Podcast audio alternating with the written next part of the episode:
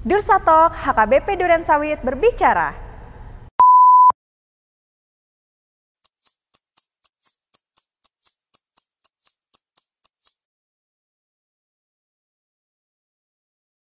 Bicara. Kembali lagi di Dursatalk yaitu wadah diskusi penyampaian firman- Tuhan da- dan eh, melalui sosial media dan platform digital lainnya tentunya. Salam kenal, aku Esther baru Lumban Gaul dan di podcast kali ini adalah episode yang spesial nih karena aku kedatangan dua tamu yaitu ada Amang Sintua Pidal Hutahayan dan ada Inang Eugenia Beru Huta Barat. Inang maaf sebelumnya Inang Eugenia Huta Barat Berusiaan.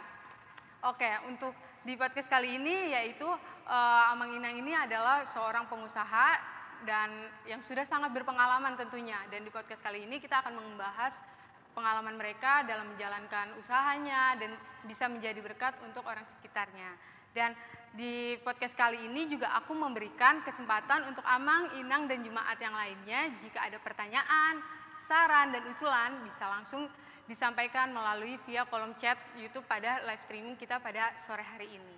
Oke, tanpa berlama-lama lagi, mungkin aku mau menyapa dulu Hora sama Nginang. Apa kabar sama Nginang?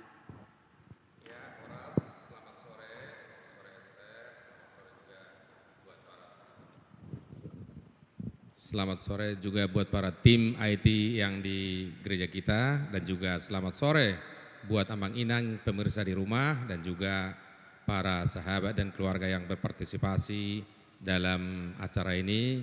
Kami ucapkan ya selamat uh, menikmati acara ini. Ya, salam semua. Eh, Horas, apa kabar? Eh, terima kasih sudah ikut eh, join di acara hari ini ya. Amang, Inang, anak-anak kami, eh, juga Naposo Bulung, juga teman-teman kami yang mengikuti podcast. Semoga acara kita dapat eh, bermanfaat. Terima kasih, Esther. Terima kasih Amang Inang, semoga sehat selalu. Eh, Oke, eh, aku akan menjawab, aku akan memberikan beberapa pertanyaan. Mungkin Amang Inang boleh dibantu untuk dijawab. Oke, sesuai tema pada kita sore hari ini, aku ingin bertanya ke Amang Inang. Kira-kira entrepreneur atau pengusaha itu apa sih Amang Inang? Boleh coba tolong dijelaskan kepada kami. Mungkin dari Amang boleh untuk yang pertama.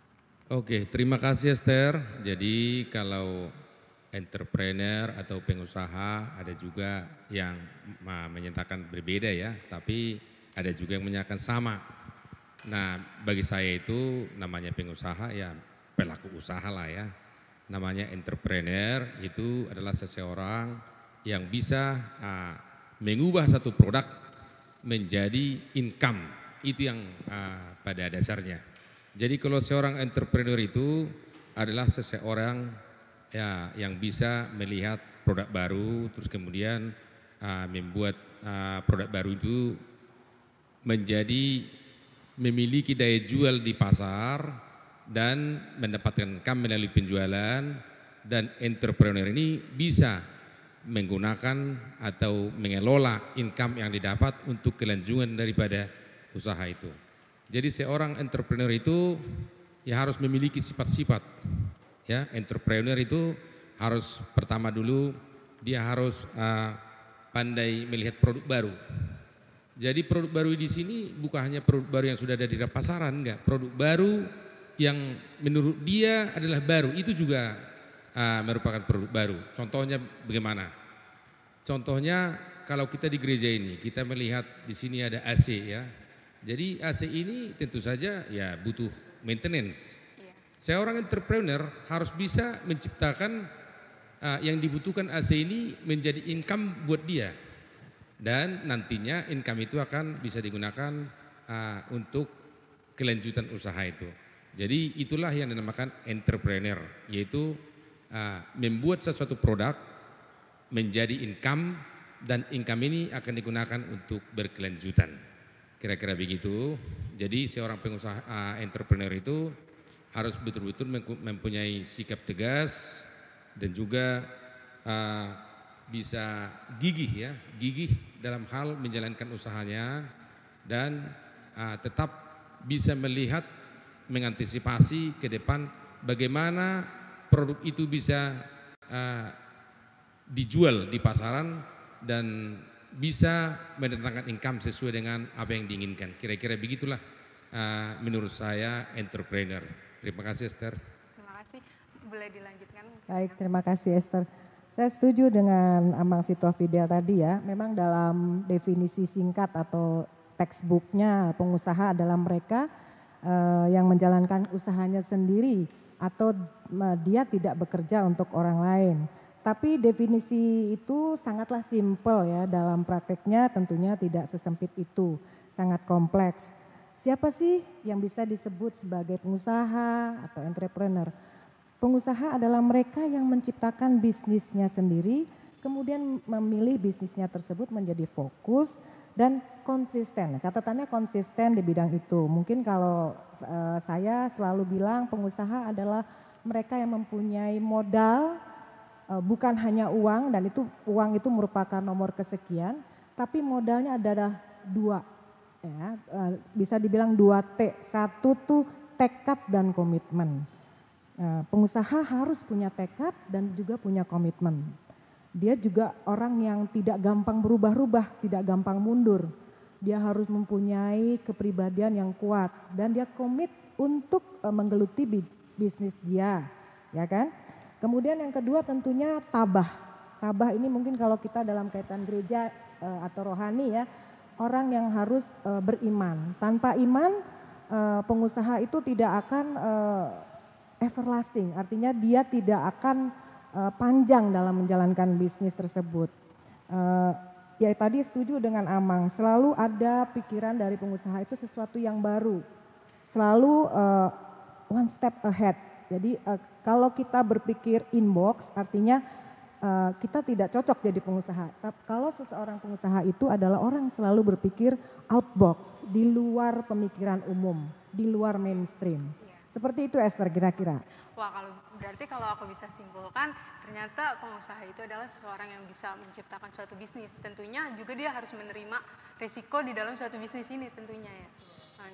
Oke, selanjutnya aku ingin uh, Amang Inang untuk sharing nih ke kita usaha apa apa saja yang Amang Inang lakukan selama ini.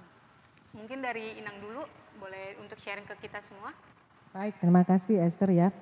Uh, uh, Amang Inang di rumah dan semua teman-teman kita di sini uh, perkenalkan uh, perusahaan kami, uh, holding company kami namanya PT Tulus Putra Merdeka.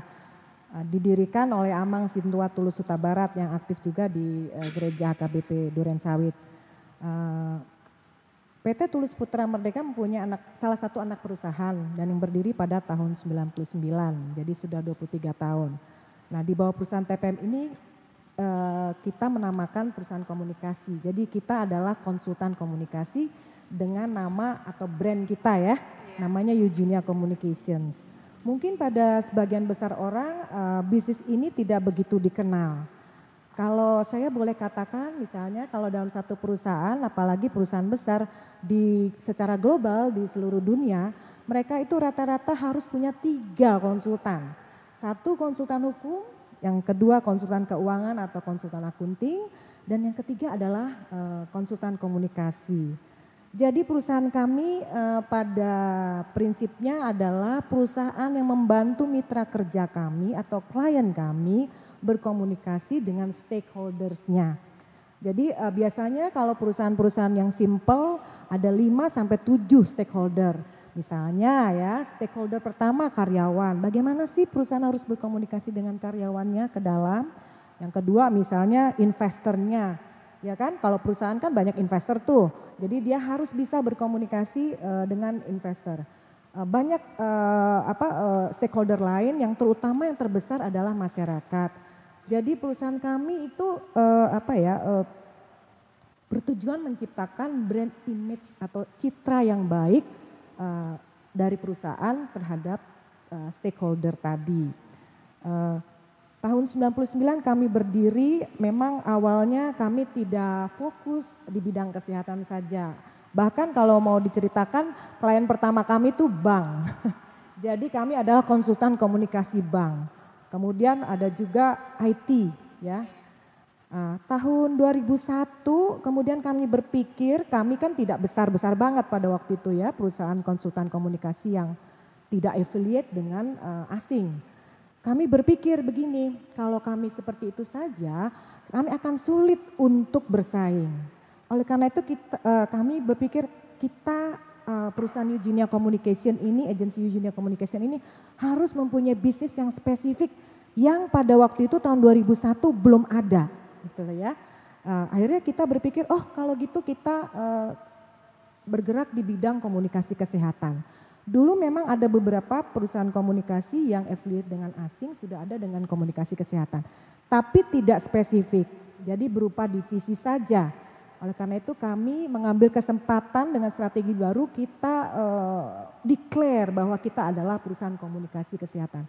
Puji Tuhan ternyata strategi itu tepat jadi uh, karena baru di Indonesia semua semua perusahaan ingin juga berkenalan dengan kami ya.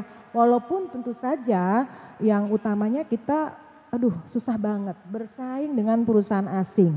Kita adalah perusahaan lokal. Nah inilah mungkin untuk uh, saya share ya kami share ya yang paling penting jangan takut bersaing dengan siapa pun ya orang asing kah, perusahaan di mana, di US kah atau di Eropa kah, jangan pernah takut. Dan ternyata setelah 23 tahun ini, uh, puji Tuhan kami berhasil untuk bersaing uh, di dengan perusahaan-perusahaan uh, lainnya yang perusahaan asing uh, dengan cara yang baik ya. Report-report uh, kami uh, sekarang sudah diterima di US dan Eropa. Mungkin kalau bisa dibuka nanti, jadi report dari Indonesia sudah bisa di accepted Artinya kita mempunyai standar yang sudah bisa diterima di ya, apa uh, di dunia internasional. Mungkin uh, catatan memang awalnya sulit banget ya bagi orang yang ingin mendirikan perusahaan perusahaan juga seperti kami perusahaan komunikasi benar ya seperti peribahasa mengatakan all the beginnings is difficult. Semua awal adalah sulit. Itu juga kami alami. Tapi uh, dengan tadi yang dua T tadi tekad uh, kemudian tabah tadi puji Tuhan kami sekarang sudah uh, lumayan ya, tidak besar-besar banget ya, tidak besar-besar banget tapi sudah bisa beroperasi selama 23 tahun, tidak mengalami declining yang terlalu uh, dalam, ya pernah juga up and down, tapi uh, bisa kami atasi. Sekarang kami uh, mempunyai klien-klien yang cukup uh, besar, terutama perusahaan uh, asing ya, perusahaan multinasional di bidang farmasi, kemudian beberapa rumah sakit, juga produk kesehatan, dan lain-lain. Itu kira-kira. Terima kasih Esther pertanyaannya. Iya terima kasih ya Mang Inang. Berarti kalau bisa aku simpulkan perusahaan yang Amang e, bergerak pada saat ini yaitu di bidang perhotelan dan transportasi. Dan sudah berjalan sekitar 8 tahun dan 19 tahun ya Mang? Iya begitu ya. Esther. Wah puji Tuhan berarti semoga lancar terus ya Mang. Dan dan selanjutnya e, Dan selanjutnya uh, perusahaan yang Inang ber, Inang usahakan uh, pada sampai saat ini yaitu bergerak di bidang konsultan komunikasi dan itu sudah bergerak 23 tahun ya Inang. Wah, Amang gitu. belum, uh, Amang Fidel mungkin ingin dengar cerita mengenai oh, perusahaan cerita? Amang. Silakan. Oke, okay. okay, terima kasih. Jadi uh, saya juga perlu menceritakan uh, usaha yang kita geluti ya. Sama juga seperti yang Inang Eugene ceritakan bahwa kami juga sama-sama berkarya di bidang jasa walaupun ya area kerjanya beda ya. Iya. Jadi kalau usaha kita itu pertama-tama memang usaha dibilang di bidang uh, penyewaan kendaraan. Saya mulai usaha ini dari nol ya. Saya bergerak dari nol. Sehingga tahun 2015 saya buka perusahaan dan kita sudah punya modal beberapa unit kendaraan. Nah, kita bergerak di bidang uh, persiapan mobil. Dalam perjalanan usaha ini memang kita banyak menghadapi tantangan ya, tantangan dari pelanggan di mana pelanggan ini memang ya macam-macam lah karakternya dan akhirnya memang paling-paling ya tagihan kita macet kan gitu kan. Nah, jadi dalam mengelola tagihan macet ini kita harus beberapa memiliki beberapa strategi supaya Nah, usaha ini bisa jalan terus. Akhirnya memang usaha ini bisa berjalan dengan ya walaupun dengan usaha artinya uh, uh, disiplin yang tinggi, terus kemudian tenaga yang harus betul-betul di tenaga pemikiran yang harus betul-betul diperas, dan bisa berjalan uh, dari tahun ke tahun gitulah. Nah terus kemudian ta dari tahun 2005 sampai tahun 2012 ini armada kita ini sudah mencapai ya 100 unit. Nah pada saat itu memang kita betul-betul ya capek lah ya untuk apa ini. Pada saat itulah saya berpikir apalah usaha yang lain yang bisa dibuka uh, supaya kita jangan monoton uh, di bidang uh, kendaraan ini. Akhirnya gitulah.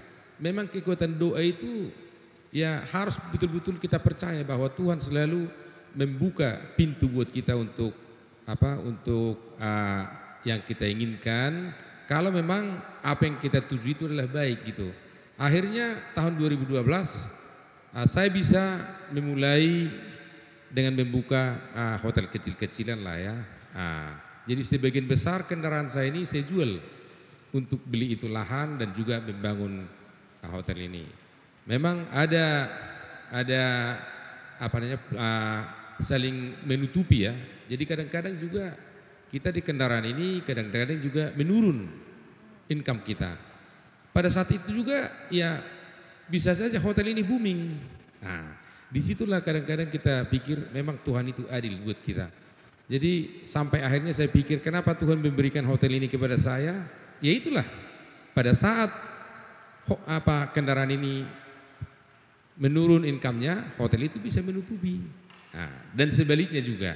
Nah, jadi kira-kira itulah yang bisa kita jadi apalah sukacita buat kita ya dalam hal uh, wira swasta ini menjadi entrepreneur dan sampai saat ini kita bisa berjalan dengan baik dan bisa kita membutuhi karyawan dan juga ya menutupi uh, kewajiban-kewajiban kita kepada pihak bank dan juga kepada yang lain. Gitu kira-kira uh, yang bisa saya uraikan dari usaha yang saya gelutin. Ya gitu Esther. Iya. Inang, uh, Amang tadi kan udah sharing ya untuk jenis usahanya. Mungkin aku boleh minta untuk Amang dan Inang untuk sharing suka duka nih dalam menjalankan suatu suatu bisnis. Tentunya kan nggak nggak mudah untuk membuat suatu bisnis ini kan. Nah aku mungkin untuk dari Amang dulu boleh. Ya terima kasih.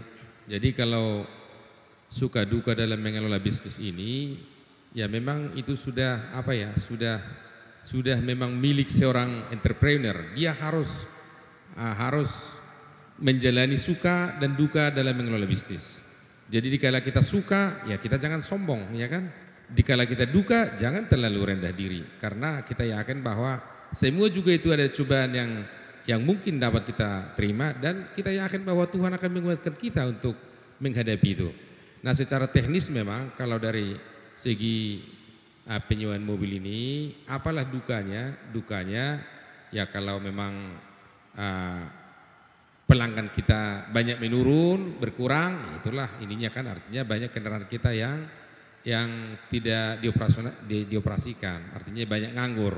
Kalau banyak nganggur ya duit banyak ya menurun kan gitu kan. Iya. Nah, ada kalanya begitu, terus kemudian dikala booming ya kita suka kan gitu kan, kita suka cita, ya gitu juga. Jadi hotel ini juga begitu, hotel ini dan usaha-usaha begini nggak nggak bisa lepas dari persaingan ya. Dan memang kita harus betul-betul menghadapi persaingan. Jangan kita takut dengan persaingan. Sama seperti yang dibilang uh, Inang Yujin tadi. Persaingan itu adalah adalah apa? Natural of business. Jadi nggak perlu kita takut dengan persaingan. Justru persaingan itu harus kita hadapi dan kalau bisa kita memenangkan persaingan eh, di situlah kita tambah sukacita Ya kira-kira begitulah yang yang bisa saya apa uh, dalam suka duka mengelola bisnis ini ya. Dan memang uh, yang perlu kita pegang, kita harus tetap bekerja keras, efisien dan juga karyawan harus betul-betul kita kita latih supaya bisa mereka bisa uh, memenuhi keinginan kita sesuai dengan target yang yang kita buat. Kira-kira begitulah uh, yang bisa saya sampaikan Esther. Ya, persis juga dengan nama Fidel ya. Mungkin uh, semua lini bisnis pasti ada suka dan dukanya. Pasti uh, kita sangat senang kalau sales target kita tercapai begitu ya. Betul, ya. Sedihnya kalau sales target kita tidak mencapai. Nah, tapi kita terus berevaluasi. Kenapa sih kok target kita tidak tercapai? Apa kekurangannya? Karena itu dibutuhkan satu insting sih kalau pengusaha ya. Insting bisnisnya itu harus tajam. Artinya eh, kita harus bisa mengevaluasi, oh ini mungkin kekurangannya di sini. Terus kita perbaiki gitu. Kita jangan malu gitu untuk memperbaiki bahwa kita salah gitu ya. Kita harus ulang lagi gitu, benar. Uh, khusus kalau di bidang ina, yang Inang geluti yaitu bidang komunikasi memang uh, agak spesifik ya. Sukanya lebih banyak. Terutama kalau misalnya ide kami, kita kan uh, perusahaan yang menawarkan ide sebenarnya ya. Ide kreatif gitu, ide kreatif dalam kampanye. Jadi kalau misalnya ide kreatif kita itu diterima kemudian dieksekusi oleh klien kita, dan ternyata membawa dampak yang positif gitu. Itu happy banget, happy banget. Enaknya uh, bergerak di bidang komunikasi kesehatan ini kita nggak melulu mikirin bisnis gitu. Ada nilai tambah, value yang beredit value-nya adalah kita ikut uh, mengedukasi, ikut merubah paradigma masyarakat. Salah satu contoh ya, tahun 2002 sampai dengan itu sekitar lima tahun saya di kami ditugaskan untuk mengubah stigma tentang uh, gangguan jiwa. Kalau dulu kan kita uh, zaman Inang waktu kecil kalau gangguan jiwa itu mungkin Amang ya juga ya. Gangguan jiwa itu kayaknya gila gitu loh. Ya kan? Orang yang sudah tidak bisa meng, apa, menguasai dirinya dengan baik gitu ya atau mendengarkan suara-suara lain dari dirinya.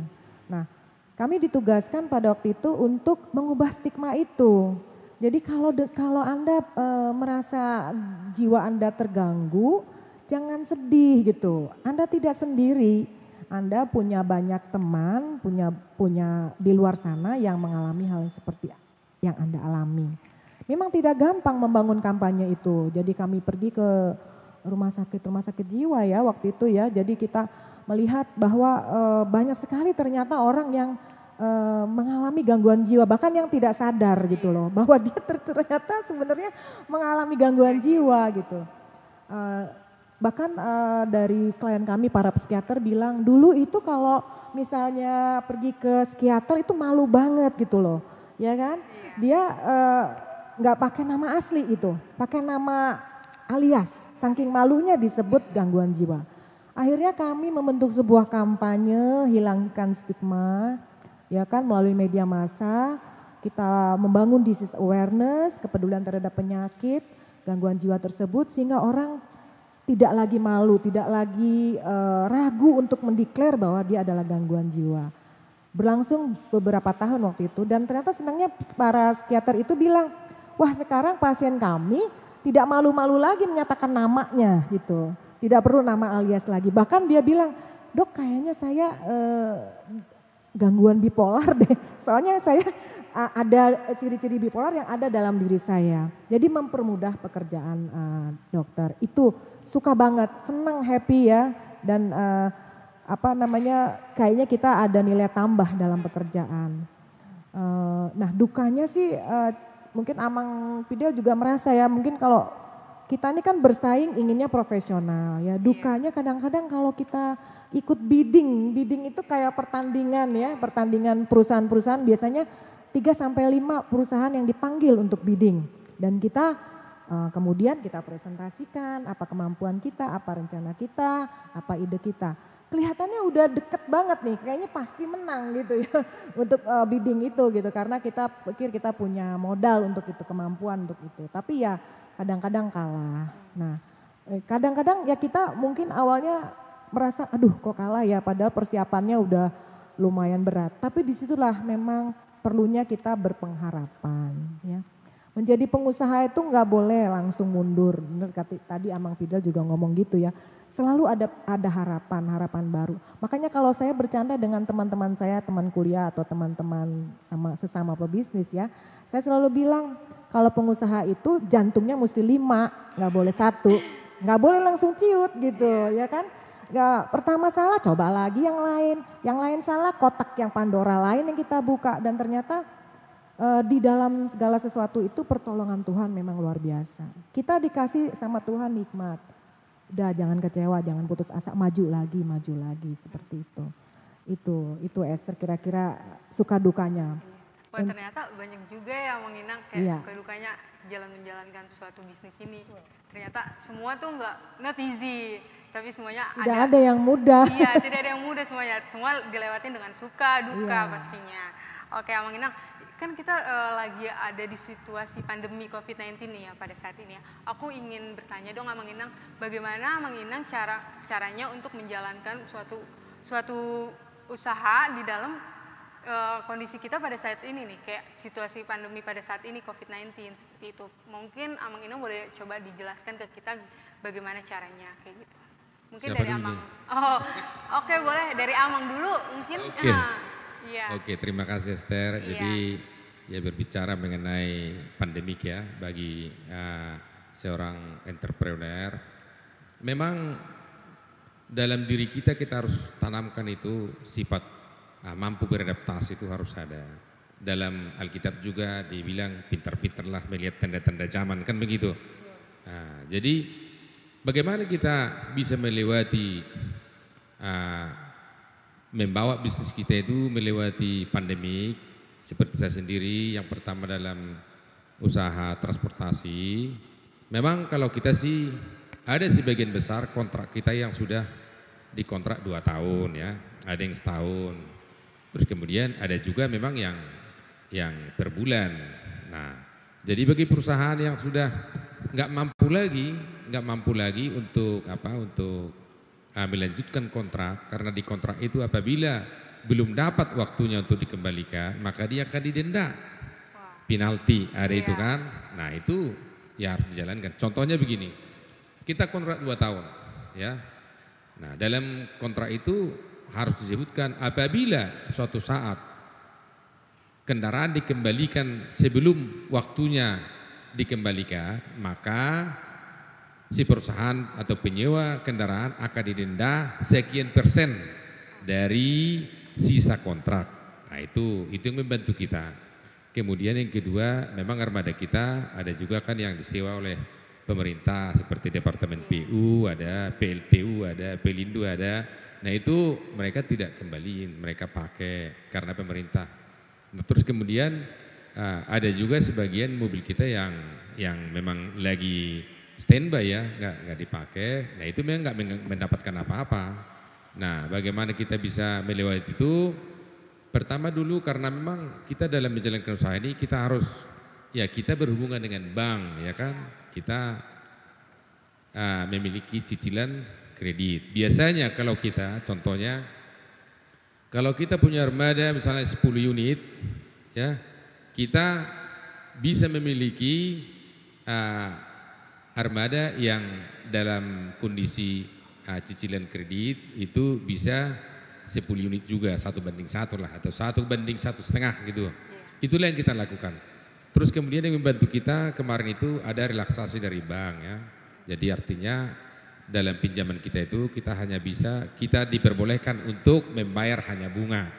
Nah, itulah yang bisa kita membantu kita dalam hal nah, melewati ini. Terus kemudian ya per- seperti yang saya bilang itu bahwa kita efisien dalam hal karyawan.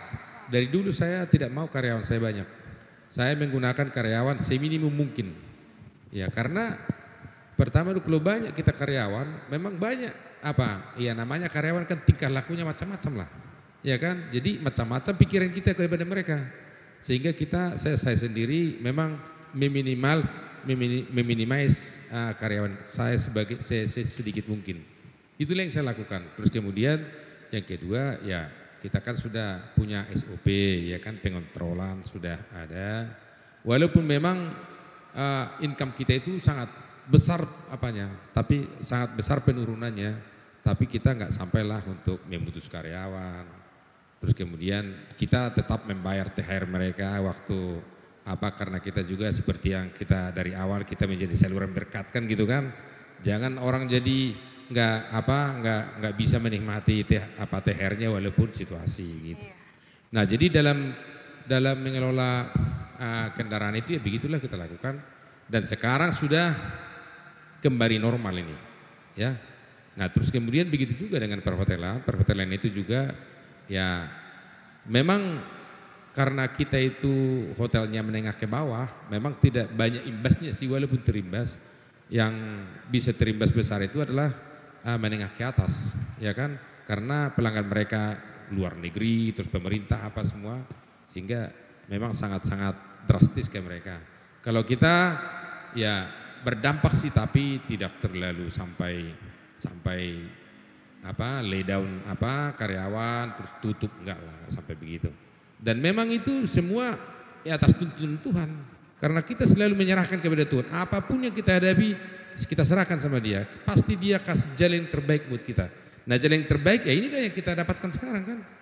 Jadi kita harus percaya walaupun kita berusaha begini, yang terbaiklah yang akan diberikan Tuhan kepada kita. Walaupun banyak tantangan, itulah yang terbaik.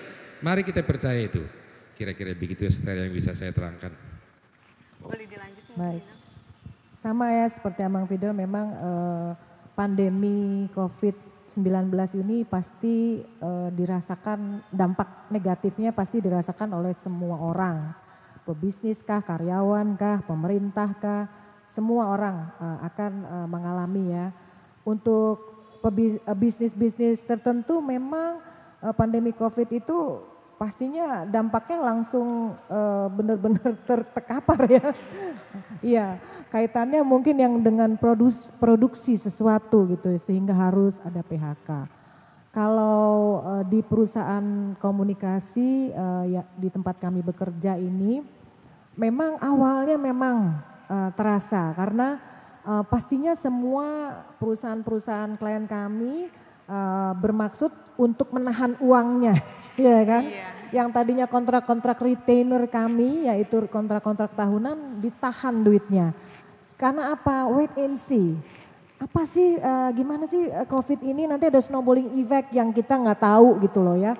Tiba-tiba eh, perusahaannya tutup atau di perusahaan di US atau di Europe eh, terganggu keuangannya sehingga di sini juga harus eh, meminimalisasi pengeluaran. Nah, memang itu awalnya memang agak-agak ini ya, emang ya sama mungkin ya agak-agak kaget kita semua gitu. Tapi sebagai eh, kita orang beriman dan percaya bahwa segala sesuatu itu ada jalan keluar, ya eh, pasti ada jalan keluar.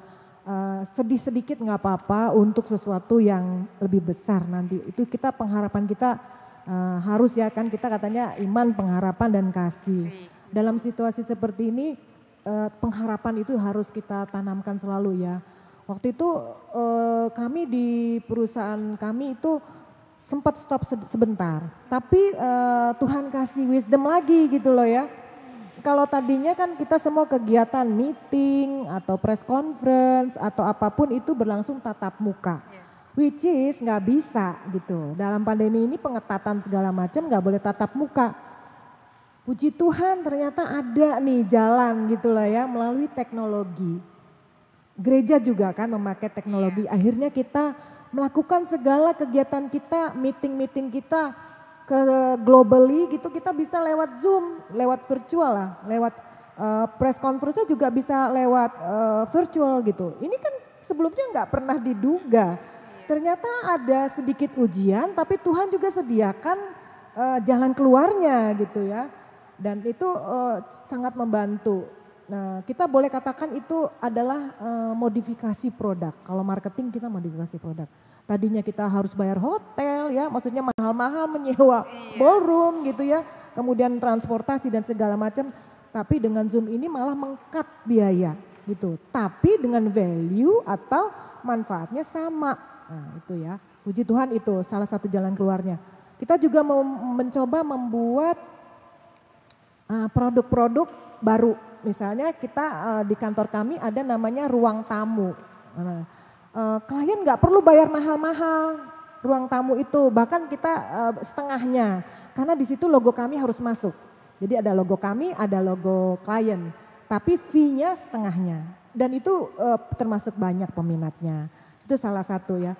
Dan yang penting diingat bahwa pandemi ini ternyata dalam dua setengah tahun ini ya emang ya udah mulai kelihatan lah sekarang untuk uh, udah mulai ada perbaikan dan segera kalau kita ada endem, sudah bisa menjadi endemi Nah itu kita uh, pasti uh, lebih lagi dan jangan lupa berdoa terus untuk uh, supaya kita bisa keluar dari pandemi ini gitu Esther. Berdoa nomor satu ya Inang. Iya betul. iya, wah ternyata sungguh luar biasa ya Inang Amang untuk pemelihara pemeliharaannya Tuhan selama ini ternyata ternyata uh, dalam menjalankan suatu bisnis ini ya apalagi di tengah pandemi pada saat ini kan pemeliharaan Tuhan sungguh luar biasa. Oke, Amang Inang aku kembali bertanya nih Eh, kira-kira bagaimana Amang dan Inang dapat membagi waktu nih ya, antara bekerja dan melayani untuk Tuhan? Dan tentunya itu kan uh, tidak mudah kan? Mungkin boleh untuk di sharing ke kita kayak gitu seperti itu. Mungkin dari Inang dulu boleh. Uh, ya terima kasih Esther ya. Kalau menurut saya ya pelayanan itu uh, bobotnya sama dengan bisnis uh, jadi Eh, bukan berarti pelayanan itu lebih kecil bobotnya daripada mencari duit gitu loh. Karena itu semuanya uh, Tuhan beri rezeki, Tuhan beri uh, apa namanya kreativitas dan segala macam harus dikembalikan lagi ya dalam bentuk pelayanan dan menjadi saluran berkat. Memang kalau Inang sendiri mungkin agak sedikit lebih ringan dari Amang Sintua Fidel ya. Karena saya suka menyanyi, jadi saya Eh, mengambil mengambil pelayanan eh, memang awalnya pelayanannya sebagai song leader dan uh, jadi hobi sekalian melayani kan gitu. Yeah. Jadi enak kan enjoy yeah. kan. Nah, tapi di luar gereja juga kita uh, kebetulan ada teman-teman dari alumni uh, teman-teman SMA, teman-teman masa kecil, kita juga melayani teman-teman melalui uh, kita mengunjungi orang sakit, kita memberikan sumbangan kepada uh, kaum difabel dan sebagainya. Jadi ini yang kalau kalau saya selalu menamakan kaum ibu-ibu teman-teman saya, tapi tidak hanya bergerak di bidang hura-hura gitu ya, tapi kita e, benar-benar melakukan kegiatan yang berguna. Misalnya tadi menyungi teman-teman sakit, menyumbang orang yang perlu seperti itu. Memang kalau waktu nggak ada sih orang yang punya waktu banyak ya emang ya sama kan kita semua manusia dikasih 24 jam. Tapi saya teringat satu satu ini satu nasihat ya dari orang tua saya bilang e, orang yang sibuk lah yang punya waktu, orang sibuk lah yang bisa membagi waktu. Jadi kalau misalnya kita sibuk tapi kita bisa membagi waktu dengan baik, kita lah yang punya waktu. Kadang-kadang kita nggak kerasa kan, oh ini sudah 24 jam.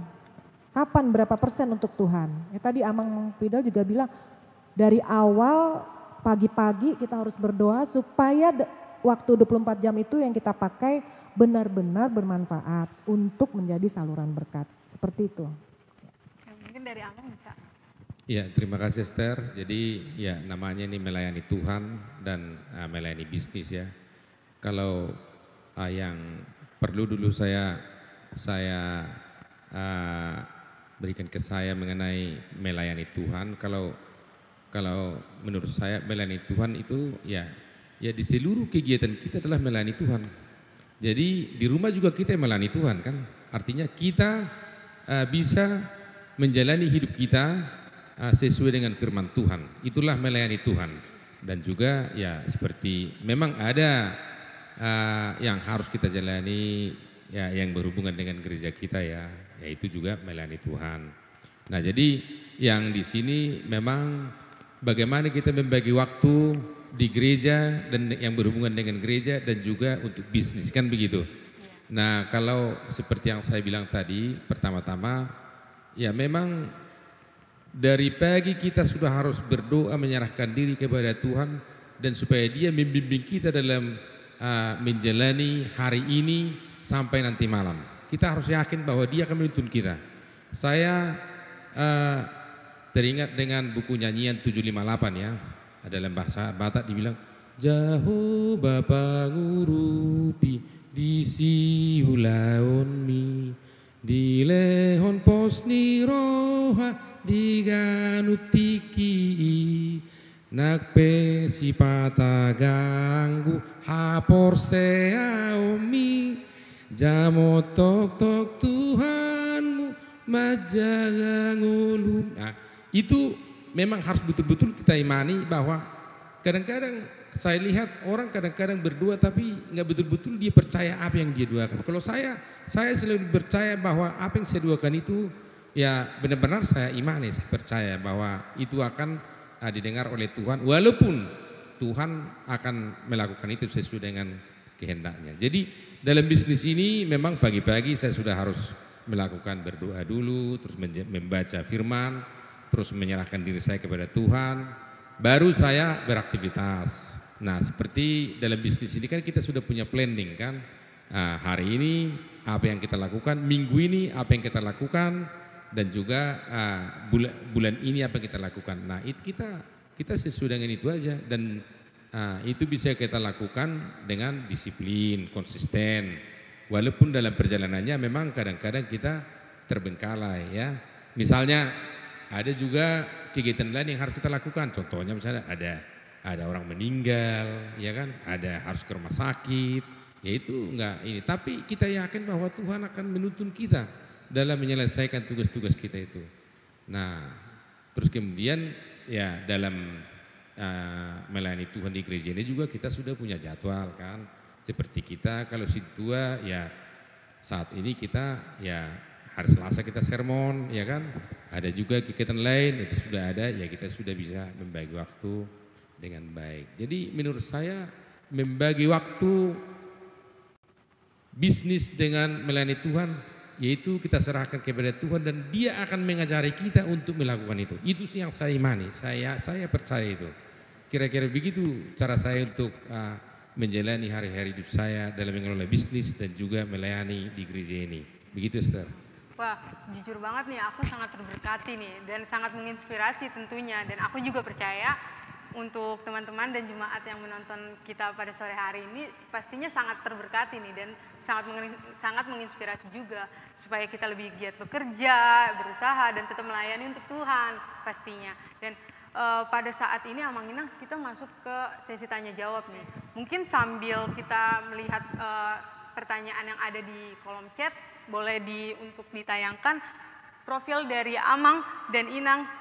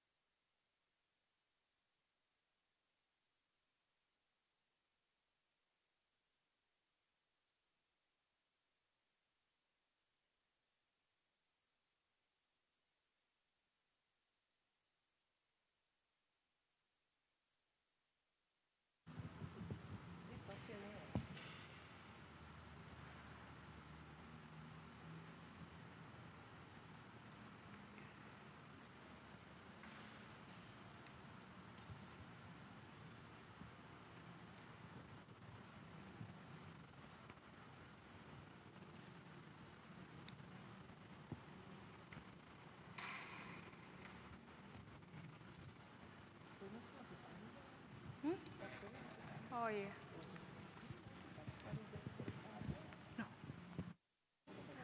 Beda.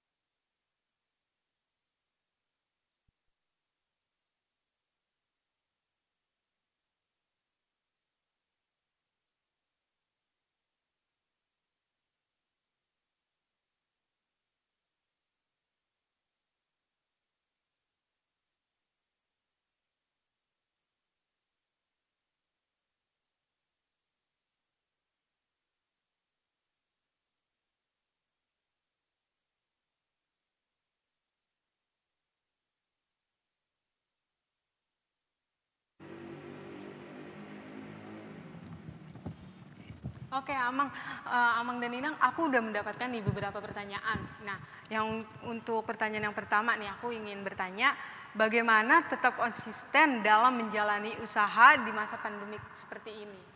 Mungkin dari Amang dulu boleh. Ya, terima kasih Esther.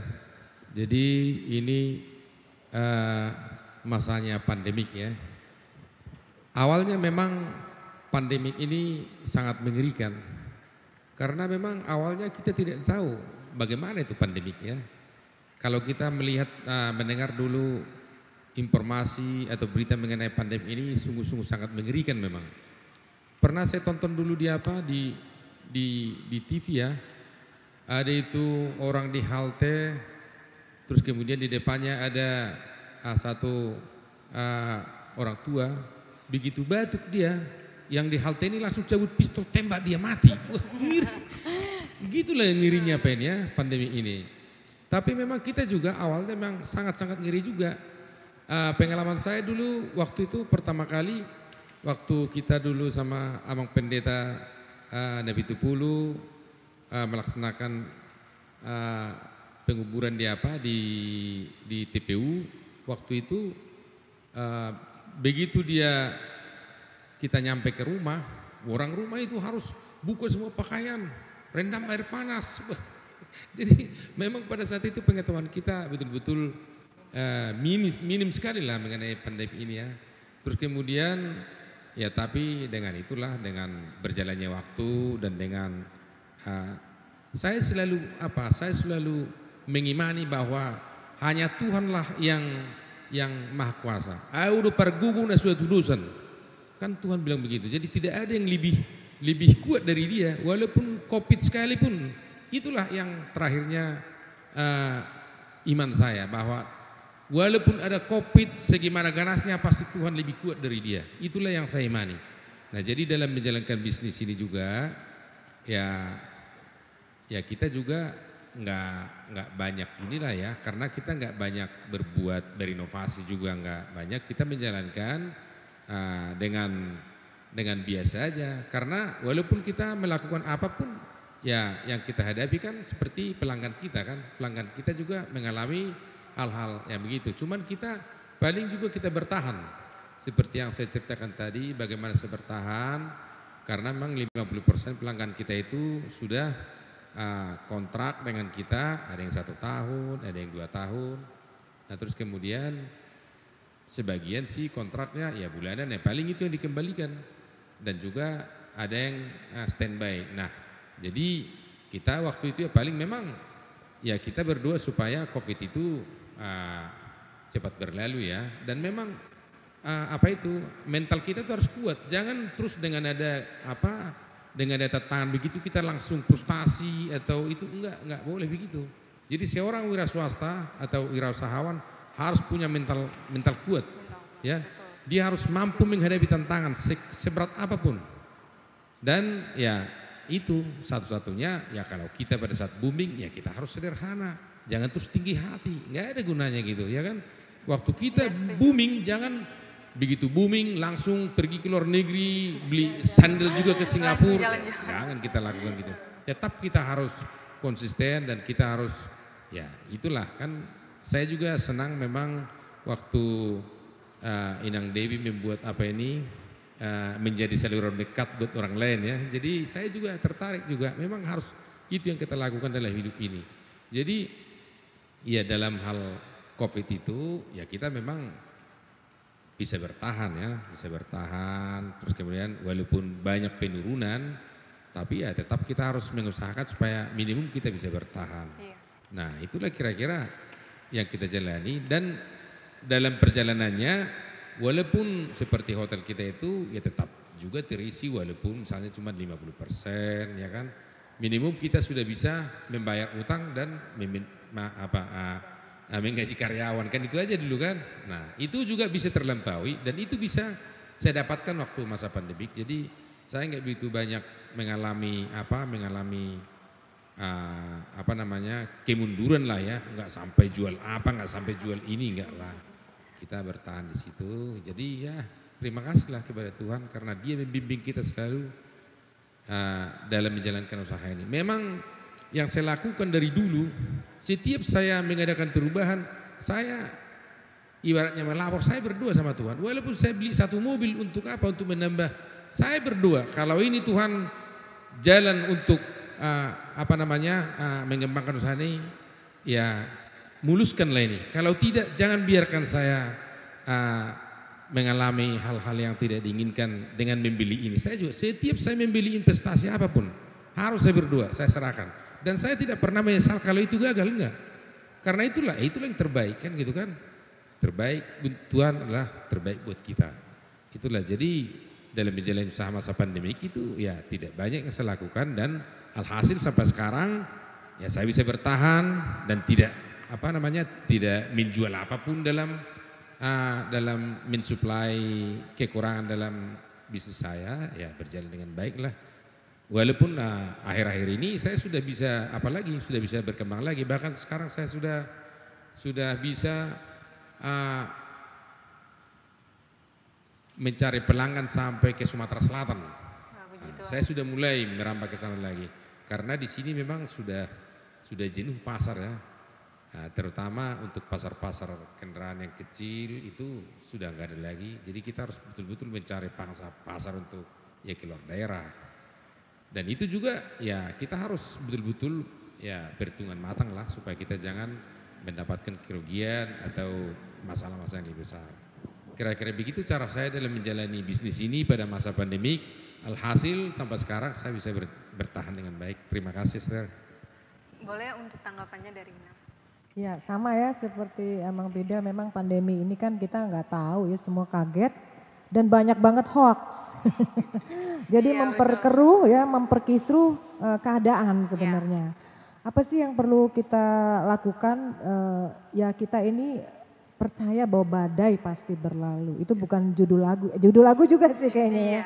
Tapi memang itu benar bahwa ini bukan akhir dari segalanya.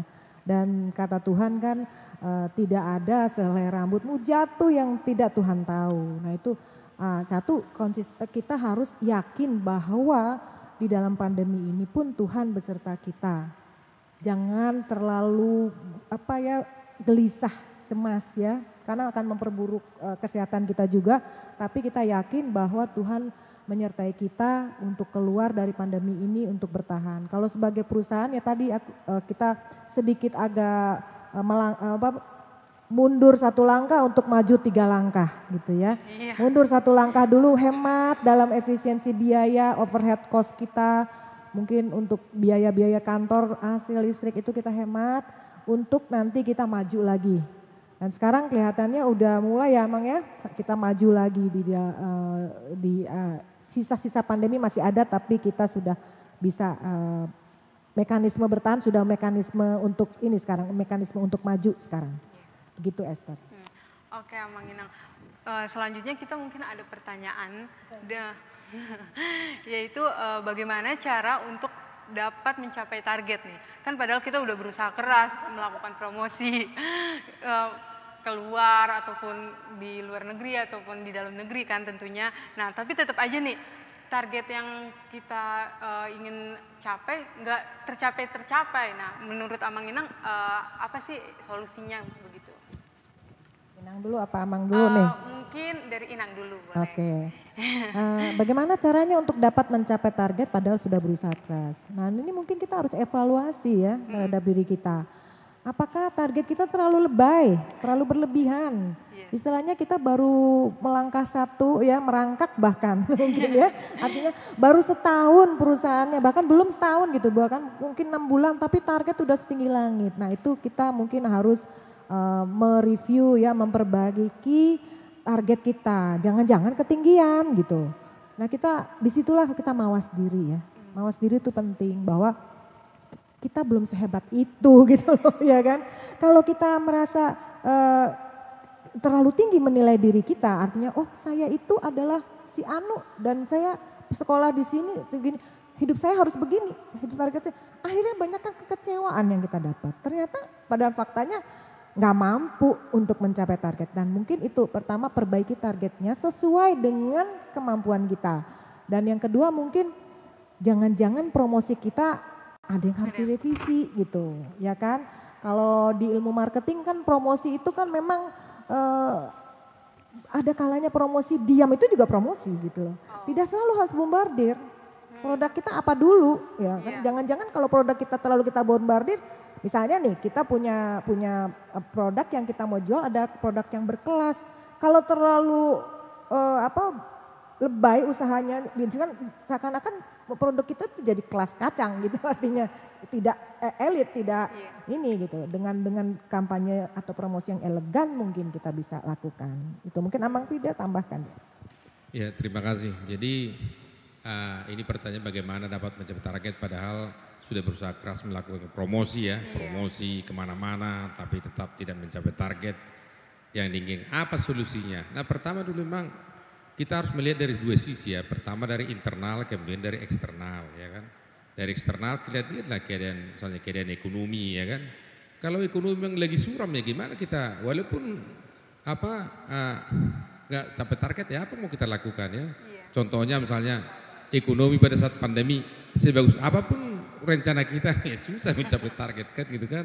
Nah itu dari segi apa segi eksternal kita harus melihat dan juga kita lihat ah, produk kita ini bagaimana di di luaran sana itu dari segi eksternal. Dari segi internal ya memang kita harus selalu melakukan seperti apa yang dibilang Inang Eugene itu ya dalam manajemen dibilang itu ada plan, do, check, action. Itu kita harus harus kita buat rencana, terus kita melaksanakan, terus kita uh, kita mereview ya kan, terus dalam review itu apa lagi yang kurang, begitu kita jalankan belum mencapai target, nah kita dari awal lagi gimana rencana kita ini apa ada yang direvisi, Iya. terus kemudian ah, dilakukan, apalagi nggak mencapai target, terus kemudian ya direview lagi. Nah itu itulah yang akan dilakukan dalam ah, dalam melakukan satu apa satu planning. Tapi memang kalau target tidak tercapai sudah kita lakukan semua ya apa mau kita lakukan lagi kan? Walaupun tetap kita harus berusaha. Memang yaitu kadang-kadang seperti ada ada ada kalanya bahwa usaha itu booming itu mele- melebihi target dapatnya, ya kan? Tapi ada kalanya memang eh, dia nggak mencapai target. Nah itu jadi waktu melebihi target ya kita harus bisa saving, ya kan? Waktu target apa? Waktu target tidak tercapai ya kita jangan frustasi, ya kan? Harus betul-betul eh, kita bisa bertahan. Nah itu memang eh, apa namanya eh, bisnis itu ya begitu, nggak ada selalu bisnis misalnya untung terus, untung terus enggak, enggak selalu ada begitu. Nah jadi waktu eh, itu yang perlu kita lihat dan dan kita harus bisa memang beradaptasi, melihat tanda-tanda kira-kira arah bisnis kita ini tahun depan ke mana ini? Kan gitu. Kan kita juga kita dulu melihat ekonomi nih, ekonomi misalnya ekonomi Indonesia ini bagaimana kira-kira prospeknya tahun depan. Itu bisa kita lihat dari jurnal-jurnal. Ya terus kemudian melalui itu ya kita bisa membuat perencanaan kita. Perencanaan itu juga jangan terlalu apa terlalu optimis kan gitu kan? Ya bis, ya kan? Tapi jangan juga terlalu terlalu rendah ya kan kita. Jadi tadi manajemen itu ya kita harus jalankan. Plan do check action itu harus kita lakukan mungkin sekali tiga bulan. Seperti yang dibilang Inang tadi itu harus selalu direview ya per tiga bulan per enam bulan sampai akhir tahun. Di mana kita akhir tahun ini? Bisa nggak kita dapat ini dapat tunjangan akhir tahun? Ya tergantung di situ. Iya kan? Jadi ya itulah kira-kira. Jadi kalau kita tidak dapat mencapai target ya memang ya kita harus melihat apa lagi yang kita harus apa harus benahi kan gitu. Nah, jadi kita harus tetap uh, berpegangan bahwa ya ada kalanya bisnis itu tidak apa tidak mencapai target tapi ada kalanya ya mencapai target bahkan melebihi target. Itulah. Jadi ya paling begitu. Dan juga seperti tadi tetap kita berserah kepada Tuhan bahwa Tuhan yang mengatur itu. Kira-kira gitu Bester terima kasih ya Mang Inang. Untuk pertanyaan selanjutnya mungkin ke Inang Eugenia nih. Eh, untuk pertanyaannya itu ada di tengah-tengah pandemik seperti ini, bagaimana usaha public relation bisa terus berjalan? Menurut Inang mungkin Boleh Terima kasih, pertanyaannya sangat Iya. menarik ya. Dan memang eh, tadi seperti saya bilang tidak ada yang menduga pandemik ini dan tidak ada yang ahli dalam pandemik ya. Semua orang bahkan perusahaan besar sekalipun tiarap gitu ya. Tapi apa sih yang perlu kita apa namanya eh, kita perlu pikirkan bahwa kita ini semua mengalami pandemi, ya kan? Di seluruh dunia sama. Jadi bukan cuman kita. So satu mungkin jangan terlalu eh, bersedih ya dan eh, kita perta- tadi dikatakan harus tabah, tabah gitu loh, sabar menghadapi segala sesuatu. Memang mungkin tadi dibilang kita eh, agak mundur sedikit, mundur selangkah gitu, mundur selangkah dan nantinya akan maju tiga langkah. Dan kalau untuk khusus di bidang komunikasi memang, nah ini ini jam terbang tuh sangat eh, membantu ya. Kita nggak bisa dong sama misalnya satu perusahaan komunikasi baru umur lima tahun banding dengan perusahaan komunikasi yang udah 20 tahun. Jadi tadi setup goalnya juga jangan ketinggian gitu. Kalau ka- Anda perusahaan PR ya Anda harus tahu juga bahwa jam terbang. Kalau orang di bidang inang da- eh, memang itu yang paling penting. Jam terbang. Jam terbang itu sangat membuktikan eh, kita bisa bertahan atau tidak ya di masa pandemi ini. Selain itu networking tetap dilakukan perusahaan seperti perusahaan kami di bidang komunikasi tanpa networking ya nggak bakalan. Anda tidak dikenal, nama Anda baru aja misalnya mau nelpon ya, baru "Eh, kami dari perusahaan Eugenia Tech dimatiin, gitu. Tom bicara dengan general GM-nya dong, enggak tutup. Tapi kalau kita sudah dikenal, reputasi kita baik, kualitas pekerjaan kita bagus, dengan sendirinya mereka akan cari. Bahkan mungkin eh, kalau dibilang masa pandemi ini malah mereka yang cari. Eh, malah bilang eh, tolong dong kita mau tentang vaksin misalnya. Tolong dong kita mau eh, edukasi masyarakat tentang vaksin dan sebagainya. Itu tadi eh, jadi ada networking ada yang ketiga itu tadi kualitas dan konsistensi seperti itu itu aja mungkin Esther. Oke, terima kasih Inang. Untuk pertanyaan yang selanjutnya, bagaimanakah kita bisa memulai usaha terutama di masa pandemi seperti ini nih? Dan bagaimana cara kita bisa memulai usaha di tengah kondisi ekonomi yang tidak stabil? Nah, mungkin dari Amang Inang boleh untuk bantu dijawab dari Amang dulu mungkin. Oke, terima kasih ya. Jadi ini pertanyaannya bagaimana uh, memulai usaha terutama di masa pandemik. Jadi kalau seorang entrepreneur itu itu adalah orang yang apa namanya? Orang yang uh, kuat rasa ingin tahunya ya. Jadi situasi ini situasi pandemi. Tentu saja walaupun pandemik pasti manusia itu membutuhkan sesuatu untuk menghadapi pandemik, ya kan? Nah, di sini kalau kita lihat dulu ada apa yang dibutuhkan orang pada saat pandemi? Ya mereka buku, butuh seperti masker, ya kan? Mereka butuh seperti apa itu? Ah, ah, hand sanitizer, ya kan? Mereka juga butuh bahkan dulu sih semua itu apa namanya ah, kantor-kantor pemerintah, hotel, sekolah, apa semua mereka membutuhkan cuci tangan, ya kan? Nah itulah. Jadi seorang entrepreneur itu harus bisa menciptakan produk baru untuk memenuhi kebutuhan daripada ah, manusia sekitarnya. Nah itu, jadi yang dibutuhkan oleh entrepreneur itu adalah pertama memang pengetahuan ya, pengetahuannya harus ada, pengetahuan tentang uh, apa yang dibutuhkan orang pada saat ini.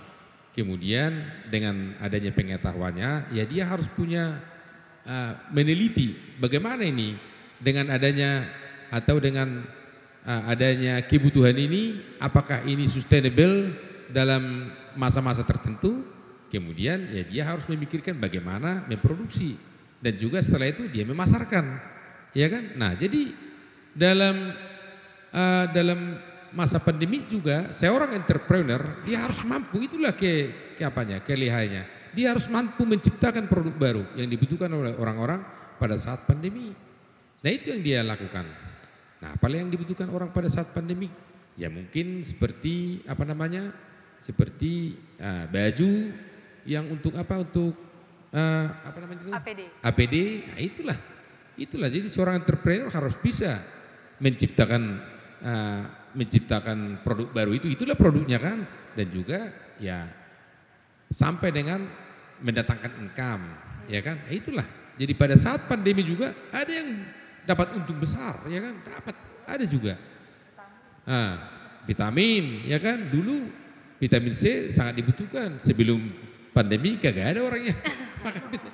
Iya. Nah, saya teringat dulu ya, teringat dulu pada saat ah, saat-saat pandemi begini, dulu saya menjalani masa-masa seperti tahun 98. Tahun 98, 98 itu adalah pada saat masa krisis dulu ya, res, apa krisis ekonomi di Indonesia dulu. Itulah yang terjadi apa namanya eh, kerusuhan 98. Jadi pada tahun 98 itu saya sudah memulai usaha saya untuk persewaan mobil. Pada tahun 98 itu beberapa bulan itu orang tidak mau keluar ya karena selalu diserang dan orang tidak mau membawa mobil keluar mobilnya. Nah, jadi waktu itu karena mereka tidak mau membawa mobil takut akhirnya mereka sewa mobil. Makanya dari waktu itu pada saat itu setiap minggu saya beli mobil. Itulah. Iya, karena waktu itu karena karena orang takut itu takut bawa mobil, takut bawa ya mungkin mereka takut seperti jalan kan di sana dulu rawan ke, apa ya kan. Tapi kalau kita dulu memang sudah lihai kita ya menggunakan asuransi ya kan kalau terjadi apa-apa kita sudah bisa udah sampai hampir tiap minggu saya beli mobil. Nah itulah jadi di saat-saat eh, terjadi sesuatu keadaan yang yang yang apalah yang yang genting seperti itu ada juga orang yang beruntung Nah sama juga seperti pandemi itu. Di saat pandemi ada, ada juga yang jadi kaya. Kira-kira begitulah kan. Nah jadi, ya, nah jadi kalau kondisi yang tidak stabil juga, biar juga kondisi tidak stabil, ekonomi yang tidak stabil, tetap ada juga dibutuhkan di sana produk-produk yang dibutuhkan masyarakat. Nah di situlah memang kelehayan, kepiawian atau uh, kepintaran seorang entrepreneur. Nah kalau entrepreneur tersebut bisa melihat peluang itu, ya itu akan bisa mendapatkan income yang bisa membuat dia jadi sukses. Kira-kira begitu yang bisa saya terangkan Esther. Oke mungkin tanggapan dari Ina. Iya setuju ya dengan Amang Fidel. Kreativitas itu sangat dibutuhkan dalam kondisi ekonomi yang tidak stabil. Nah ini eh, kalau kami di manajemen ini uh, saya bekerja sama dengan Amang Sitauta Barat tuh yang sangat kreatif sekali orangnya. Artinya dia tuh sangat bisa ya untuk uh, membuat produk-produk baru, bauran-bauran produk baru seperti itu. Yang minimal biaya. Nah, jadi uh, jangan yang kalau kita mau mencoba nih udah udah kita pandemik, udah kondisi ekonomi tidak stabil, modalnya harus gede. Ya enggak gitu loh. Sekarang kan kita banyak tuh melihat youtuber-youtuber anak-anak milenial ya yang sangat uh, terus juga apa namanya uh, menanamkan apa ya banyak banget cerita-cerita uh, di apa namanya di YouTube itu dijual gitu loh dan ternyata bisa kaya dari situ. Iya. Nah itu eh, luar biasa. Nah dan untuk anak-anak kami Napo Sebulung semangat banyak hal yang bisa dicoba. Uh, tidak usah menjual produk yang nyata gitu ya, tapi bisa juga menjual tadi ide, kreativitas dan ternyata itu uh, sangat bagus ya. Itu. Tambahan dari saya itu aja Esther. Oke. Untuk pertanyaan yang selanjutnya, untuk Amang dan Inang bagaimana kita bisa mulai nih kembali usaha yang sempat gagal? serasa ada perasaan takut dan khawatir untuk mulai. Apalagi budget juga kan pas-pasan nih. Jadi menurut Amang dan Inang itu seperti apa? Ya mungkin saya pertama ya, uh, ya ada usaha yang sempat gagal ya. Jadi kita harus melihat memang seorang entrepreneur itu nggak ada seorang entrepreneur begitu dia terjun ke dunia usaha langsung sukses. Ya ada juga yang begitu. Nah jadi apa yang dibutuhkan seorang entrepreneur? Pertama dulu memang dia harus punya pengetahuan ya. Pengetahuan itu maksudnya pengetahuan mengenai produk ya kan. Terus kemudian dia harus punya mental. Mental itu harus dia miliki ya. Artinya mental di sini ya mental sebagai entrepreneur itu tidak gampang frustasi, tidak gampang uh, lemah. Nah, itu harus saya contoh dulu. Jadi ada teman saya dulu, teman saya ini melihat saya sudah uh, berusaha di bidang di bidang kendaraan, dia juga karyawan, manajer dia. Tapi begitu dia melihat saya setiap hari punya uh, ngitungin duit terus ya kan, akhirnya dia gini berpikir, ah saya gini aja lah, saya rencananya mau seperti abang aja lah. Uh, saya mau ninggalkan saya pekerjaan ini, pekerjaan ini kan monoton kata dia. Ya udah nggak apa-apa. Tapi setiap dia mau meninggalkan pekerjaannya dan mau memulai bisnis baru, dia selalu gagal. Karena apa? Eh, mentalnya nggak kuat. Dia selalu banyak berpikir, kalau saya meninggalkan ini nanti bagaimana tanggapan teman-teman saya, bagaimana tanggapan keluarga dan sebagainya. Jadi itu dibutuhkan mental, ya. Dan mental itu nggak gampang loh, nggak gampang untuk menjadi entrepreneur. Dia harus bisa seperti tadi menanggung risiko. Risiko itu apa? Risiko sosial ada, risiko ekonomi ada, semua harus tanggung. Saya juga dulu uh, waktu memulai bisnis baru ini bis, uh, sebagai entrepreneur saya juga mengalami begitu. Saya dulu sempat begini, waktu saya memulai bisnis uh, menyewakan kendaraan ini, saya berpikir dulu karena dulu waktu itu saya mulai dengan dengan empat unit kendaraan. Nah saya dulu berpikir, gimana ini? Saya seorang insinyur, mobil saya cuma empat unit. Enggak mungkin saya dibilang orang jadi peng, apa ini jadi jadi pengusaha kan? Bayangin aja. Saya dulu dia udah udah udah udah menyelesaikan sekolah saya S2 tapi saya nah di situ saya termotivasi. Bagaimana saya dengan empat unit modal harus bisa menjadi berlipat ganda. Nah itulah. Itulah tantangan. Jadi dibutuhkan mental dan nah itu. Terus ah, pertama dulu pengetahuan mengenai produk mental terus kemudian ya kalau seperti yang dibilang Inang Eugene tadi kalau modal itu saya rasa yang ketiga itu. Karena kalau kita punya ide, uh, ide itu bisa kita terangkan secara gamblang atau jelas kepada pemodal, pasti pemodal tertarik. Ya kan? Sedangkan kita lihat sekarang ini kalau ada apa namanya itu yang saham-saham apa itu? Ada misalnya yang uh, apa sekarang itu model-model enggak model-model apa itu? Uh, model-model yang cepat-cepat dapat untung. Oh, iya. Nah, orang berlomba-lomba ke situ. Nah, ah, kayak gitu. Itu banyak orang. Apalagi seperti kita ada ide kan untuk itu mereka bisa terima ya pasti orang. Jadi anak-anak muda sekarang juga nggak usah takut mengenai modal, ya kan? Jangan bilang, waduh gimana bisa saya memulai usaha nggak ada modal. Bukan modal yang penting. Sekarang ide dulu.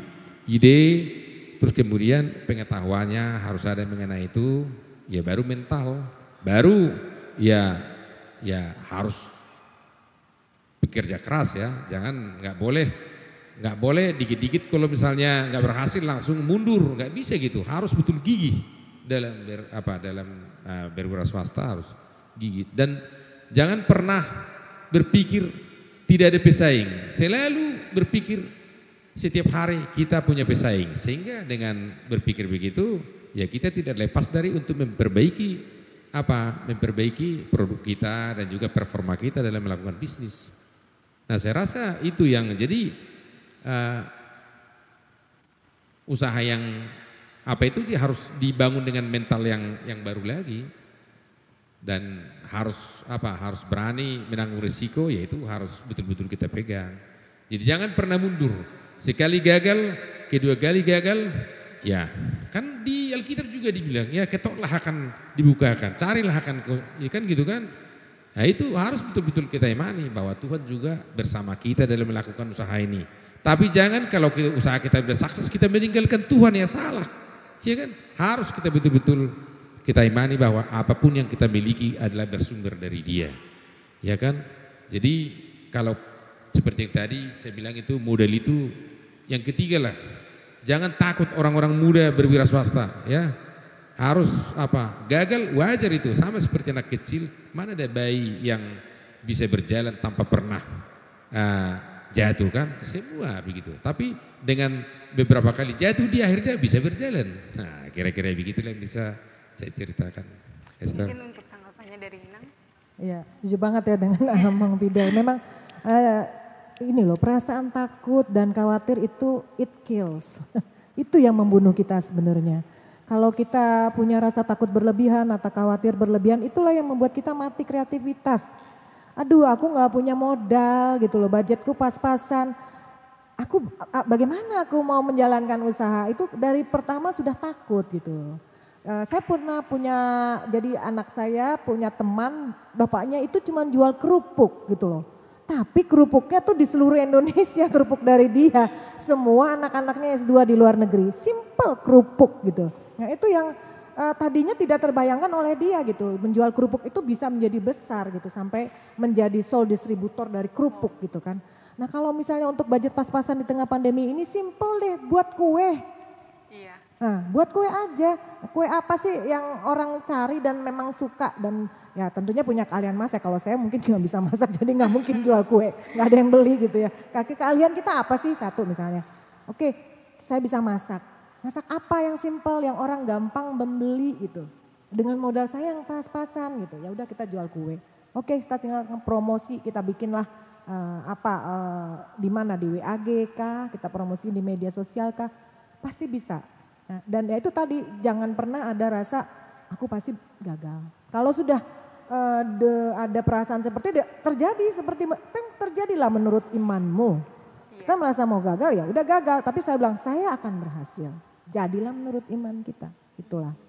Itu Esther tambahannya. Wah, aku dari awal sangat terberkati banget nih, sangat menginspirasi juga buat aku sendiri, jujur banget. Dan ternyata untuk menciptakan suatu bisnis tuh tidak semudah itu, banyak sekali suka dukanya dan perjalanannya juga itu tidak seperti kayak jalan tol yang lurus terus, tapi ternyata ada lika-likunya yang harus kita hadapi.